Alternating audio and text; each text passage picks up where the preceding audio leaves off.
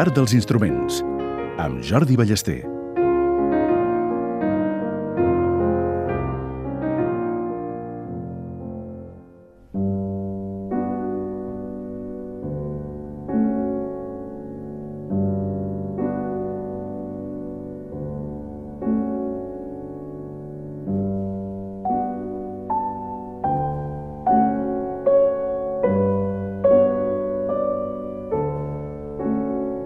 Jordi Ballester, bon dia, bona hora. Molt bon dia. Amb el Jordi ens trobem un cop al mes, normalment el primer dissabte de cada mes per parlar al taller del Luthier d'iconografia musical de l'art dels instruments, és així com s'anomena aquest apartat. Avui ens vols parlar d'un personatge important per eh, la història de l'art del nostre país, com va ser Santiago Rossinyol. Com vinculem Rossinyol i els instruments, Jordi? Efectivament, Santiago Rossinyol és un personatge clau en molts sentits eh, per la història de l'art, jo diria per les arts del nostre país, eh? perquè és un personatge polifacètic, extraordinari, segurament molts dels nostres oients eh, el coneixen, però jo avui volia parlar d'una sèrie de pintures que potser no són extraordinàriament conegudes d'aquest artista. Rossinyol es coneix sobretot per els seus paisatges que a partir de finals del segle XIX i durant els 30 primers anys del segle XX van ser una mica la referència de la pintura de Rossinyol. No obstant, la última dècada, eh, la dècada dels anys 90 del segle XIX, és eh, un període molt particular dins la pintura de Rossinyol, és quan ell està a París, és quan ell està vivint una vida bohèmia eh, al màxim, i dintre de les seves obres trobem diverses pintures en les que hi ha representades instruments musicals. Una d'elles està en el MANAC, el Museu Nacional d'Art de Catalunya, i representa una jove tocant el piano i un senyor que se la mira, que mira l'espectador i que està amatent a, a, aquesta, a aquesta jove. Avui dia sabem que aquest senyor és Eric Satie. Eric Satie, conegut de Rossinyol, amic de Rossinyol de la seva etapa francesa, i la senyora que hi ha al, al piano és, sembla ser, la que en aquell moment era la amant de Satie, molt amiga de Rossinyol i, de fet, la exparella d'un gran amic de Rossinyol, que és Miquel Utrillo. El títol d'aquest quadre és Una romança i ens mostra a la pianista amb una certa aureola de, de misteri. Hi ha diverses teories sobre què ens volia significar Rossinyol amb aquesta pintura, amb aquesta pianista, amb aquest piano fins i tot. Probablement aquí hi hagi un joc metafòric, un joc eh, una mica pícar per part de Rossinyol i aquesta romança ens estigui parlant d'un romans, del romans, del flirteig amorós entre aquesta parella. Eh, val a dir que aquesta senyora va deixar a la seva primera parella, Utrillo, per anar-se'n amb Eric Satie. I probablement, en aquest moment, aquesta pintura de la primera meitat de la dècada de 1890 eh, ens estigui donant el clau justament en aquest moment en què es produeix eh, aquesta ruptura entre amics, tot i que Rossinyol va mantenir el contacte amb tots ells. La segona cosa que és interessant és el piano. És un piano vertical, un piano semblant al que abundaven a Europa en aquell moment, inclòs Barcelona. De fet, a Barcelona eh, els instruments d'aquest tipus que més eh, freqüents eren eren els pianos Chassin. Aquest no és un piano Chassin, aquest és un piano parisenc. I, de fet, sabem que representa, que pinta el piano que Rossinyol tenia a casa seva, al pis que tenia llogat a París en aquell moment. Això és interessant també perquè en aquest moment Rossinyol havia traslladat la seva residència del barri de Montmartre a la petita illa de Sant Michel, que està al centre ben bé de París, a la petita illa que hi ha al costat de la illa més gran on hi ha eh, Notre Dame, com sabeu.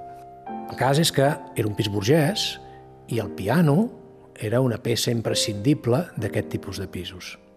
Dic això perquè dos anys abans Rossinyol ja havia pintat Eric Satie, però no com un oient de la música, no com un espectador del quadre, sinó tocant. Però què tocava? Tocava un harmònium. I aquest harmònium està descrit en el pis anterior en el qual vivia Rossinyol a Montmartre. Probablement aquí hi ha una situació sociològica molt interessant de la vinculació de l'harmònium amb un determinat tipus de barri, un determinat tipus de barri marginal, un determinat tipus de classe social, contrastant amb el piano, que forma part d'aquest estatus més benestant, més burgès, més petit burgès, si voleu, de, de, del París de l'última dècada del segle XIX. Sobre l'harmònium val la pena dir un parell de coses també molt interessants. Era un instrument que per Rossinyol no era gens estrany. I, de fet, ell mateix explica en quin estat estava l'harmònium quan ell arriba a París. Si voleu, us puc llegir un breu fragment d'un article que Rossinyol escriu a La Vanguardia, eh, just l'any després d'arribar a París, quan ja està vivint eh, al barri de Montmartre, i diu un armonium de alquiler que más que cantar se queja, con voz de acordeón, de sentirse maltratado en este mundo por manos que no comprenden sus ocho registros, que no responden a nada ni a nadie, bautizados con voz celeste uno de ellos, cuyo nombre es una inmensa blasfemia, expresivo otro, de cuya expresión siempre hemos dudado, y trémolo el último por el temblor que causa su voz a los pocos vecinos que anidan en esas olímpicas alturas. Per tant, l'harmònium no devia sonar massa bé. En principi, perquè el dia de Nadal o la nit de Nadal d'aquell mateix any, els catalans que residien en aquell apartament, entre ells Utrillo, que hem citat abans, i Rossinyol, fan una festa i conviden el seu amic Eric Satí. Eric Satí, que de fet coneixen els catalans a través d'Utrillo, hm, perquè tenien una, eh, una sèrie de punts en comú i d'aficions eh, en comú, a part de la senyora, que després li prendrà una a l'altra. Tanco el parèntesi. El cas és que uns mesos més tard, de fet al gener posterior a aquella data de Nadal, Rossinyol escriu un altre article a La Vanguardia on explica com va arribar a tocar Satí aquella nit de Nadal l'harmònium i diu així En menos de dos minutos recorrió todo el teclado con una velocidad pasmosa. Temblaron los ocho registros al sentirse acosados de un modo tan repentino.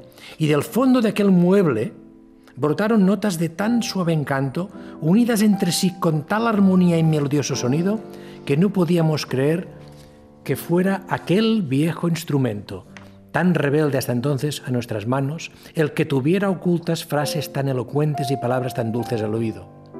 Y mirábamos por debajo de la mesa a fin de convencernos de que no había ningún órgano oculto que hiciera de apuntador al vetusto acordeón. Per tant, l'instrument és l'objecte principal de Rossinyol en el seu article de La Vanguardia, però també en la pintura, en la pintura en què representa Eric Satie tocant l'harmònium. Una pintura que es troba en una col·lecció particular, que podeu veure a internet buscant Eric Satie tocant l'harmònium, pintat per Rossinyol, i que podreu comprovar com Eric Satie és representat amb les seves característiques, cabell llarg, ulleres, etc, tot i que tenia 22 anys només en aquell moment, i podeu veure clarament eh, aquest harmònium descrit doblement per Rossinyol, descrit en la pintura i descrit en el text. Per cert que Ramon Casas dibuixa aquest mateix personatge tocant l'harmònium en aquesta mateixa ocasió per l'article que escriu Rossinyol, que anava il·lustrat el, amb el dibuix de Casas. Si algú li interessa, pot buscar l'article de La Vanguardia del 18 de gener del 1891 i trobarà el dibuix de Ramon Casas amb Eric Satie tocant l'harmònium i la descripció que fa Rossinyol. Molt interessant el que ens explica cada mes el Jordi Ballester. Moltes gràcies, Jordi. Fins al mes que ve. Moltes gràcies a vosaltres i reveure.